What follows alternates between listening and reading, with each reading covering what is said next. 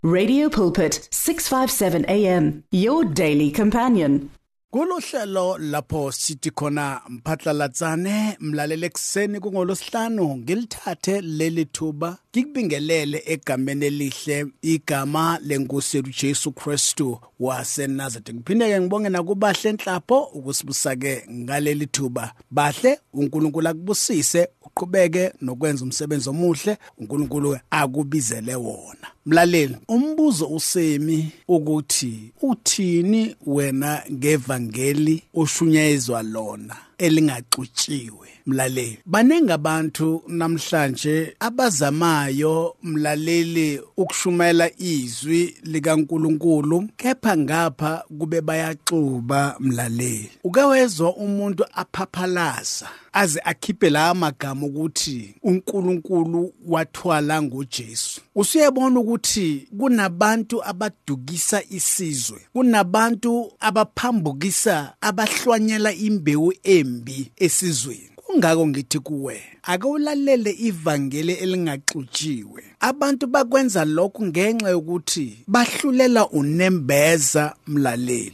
uNkulunkulu unguNkulunkulu futhi akashintshi akasoze ashintshe. Akunankulunkulu oke wathwala ngoJesu. Umbhedo nje lo umuntu awushoyo. Abanye baze bakitazeke. Belalela imbuda nje yomuntu ozibiza ukuthi uyazana noNkulunkulu. Izwi lenkosi lithi uNkulunkulu wamvusa uJesu kwabafileyo. Sikhonza inkosi evukile kwabafileyo. Akusiyena uNkulunkulu owabulala uJesu kepha yithina bantu ebesingafuni ukuzwa ngoNkulunkulu. Kungako izwi lenkosi lithi uJesu uma salenga esiphambanweni. Wathi baba bathethelele abakwazi abakwenzayo. Angasho kanjani kuNkulunkulu athi bathethelele abayazi into abayenza kungukuthi kuyena uNkulunkulu obulala uJesu. Kungako ngithi kuwe khetha abantu obalalelayo abangakudukisi mlaleli ekhayeni lakho kukhona loyo okhuluma ngoJesu osindisayo okhuluma ngoNkulunkulu owathumela uJesu ezweni okhuluma mlaleli ngokuthethelela kwezo mlalele mlaleli.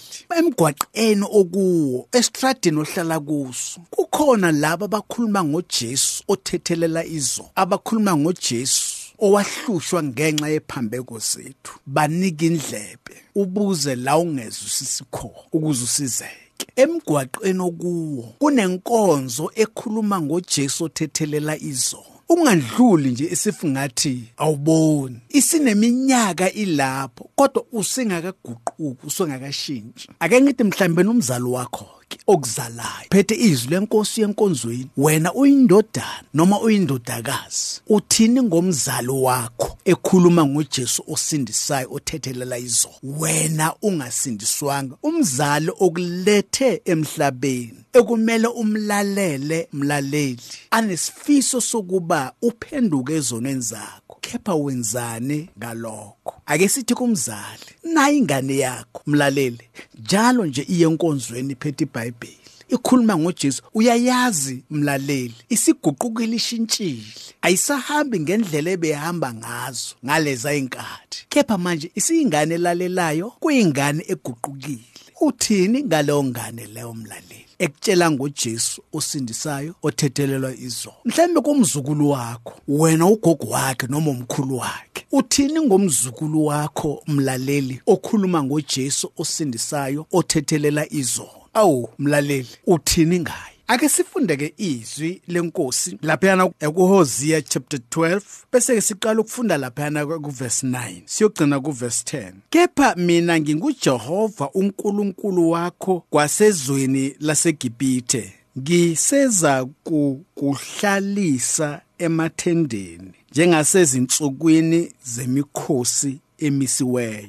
Ngikhulumile kubaprofeti ngandisile imibono ngifanekisile ngesandla sabaprofeti. Ivikele endlule mlaleli ngiye ngachaza ukuthi thina safundiswa ukuthi abaprofeti abantu abazokuprofeta ngokuthi uthakatha ubani abantu abazokuprofeta ukuthi ulengelwe yife limnyama abantu abazokuprofeta mlaleli bazokutshela ukuthi ugogo wakho ukumele ngenyawo elilodwa noma umkhulu wakho ukumele ngenyawo elilodwa. Abaprofeti safundiswa mlaleli ukuthi abaprofeti yilabo abazoza kwakho bazokwemba imithi abazosho ukuthi kunezindoshi kunani kunani abazosho ukuthi kunesinyama unesinyama sakhula kuleyo environment enjalo mlaleli. Kepha ke uma sesifinyelela ke ekulazini iqiniso sesiyazi ke mlaleli ukuthi ke iBhayibheli uma likhuluma ngomprofeti likhuluma ngomuntu onjani? Hayi labo esafundiswa ngabo mlaleli. Abaprofeti abacabanisa umphakathi. Uthola umakhelwane engasazwani nomakhelwane ngenxa kamprofeti ufica mlaleli umndeni uhlukene phakathi ngenxa yomprofeti kepha ke ngokuzwa iqiniso lokuthi umprofeti ungubani? Sesiyabona mlaleli ukuthi sasidukile ngendlela esafundiswa ngayo sakhula ngayo. Kepha manje sikhuluma ngomprofeti owakha isizwe sikaNkuluNkulu. Owakha imindeni ehlukene mlaleli angayicabanisi angayilwisi mlaleli. Abantu bafile namhlanje. Umuntu uyabheka umprofeti utshele abanye ukuthi laba bayathakatha. Abantu ngenxa yolaka bahambe boshisa umuzi loyo babulale nabantu. Sikhuluma ngomprofeti kaNkuluNkulu ongacabanisi ongalwisi abantu. Ofica ekhaya kuhlangahlangene alethe ukuthula. Manje la izwi lenkosi kuverse 10 lithi ngikhulumile kubaprofeti ngandisile imibono ngifanekisile ngesandla sabaprofeti amazwi akhulunywa nguNkulunkulu kwelawo akawubuke umprofeti wakho ukuthi onjani lo mprofeti omethembile. Umprofeti okulwisa nabantu umprofeti okulwisa nomndeni wakho umprofeti okulwisa nabomakhelwane wakho. Ngengathi ivikele endlule ake sibuyele ku-old testament sifunde ngabaprofeti ku-old testament. Sibone ukuthi yibaphi abaprofeti abake baprofeta ngendlela ekuprofethiwa ngayo namhlanje. Sibuye size ku-new testament sibheke futhi ukuthi ke obani labo abaprofeta ngendlela ekuprofethiwa ngayo namhlanje? Ngithi kuwe abantu abazwani kungenxa yalabo abazibiza ukuthi abaprofeti igama lobuprofeti balithathaphi eBhayibhelini kepha abalizwisisi nokuluzwisisa. Kepha ke thina ke manje sesiyazi ukuthi uNkulunkulu usebenzisa abantu abangalwisi abantu abangaxabanisi abantu abenze ukuthi abantu babe munye. Mbuzo ukuthi onjani lo mprofeti wakho omethembe kangaka? Unjani lo mprofeti wakho? Usetshenziswa uNkulunkulu yini na? Noma kungumprofeti nje? Abaye namhlanje baze bathathele nabantu izimali bathathele nengane zethu izimali afike umuntu amtshela indaba zakhe aphinde athathe futhi imali. Ngithi kuwe bheka indlela abaprofeti baku-old testament ababesebenza ngayo. Ubheke nendlela yabaprofeti be-new testament ababesebenza ngayo.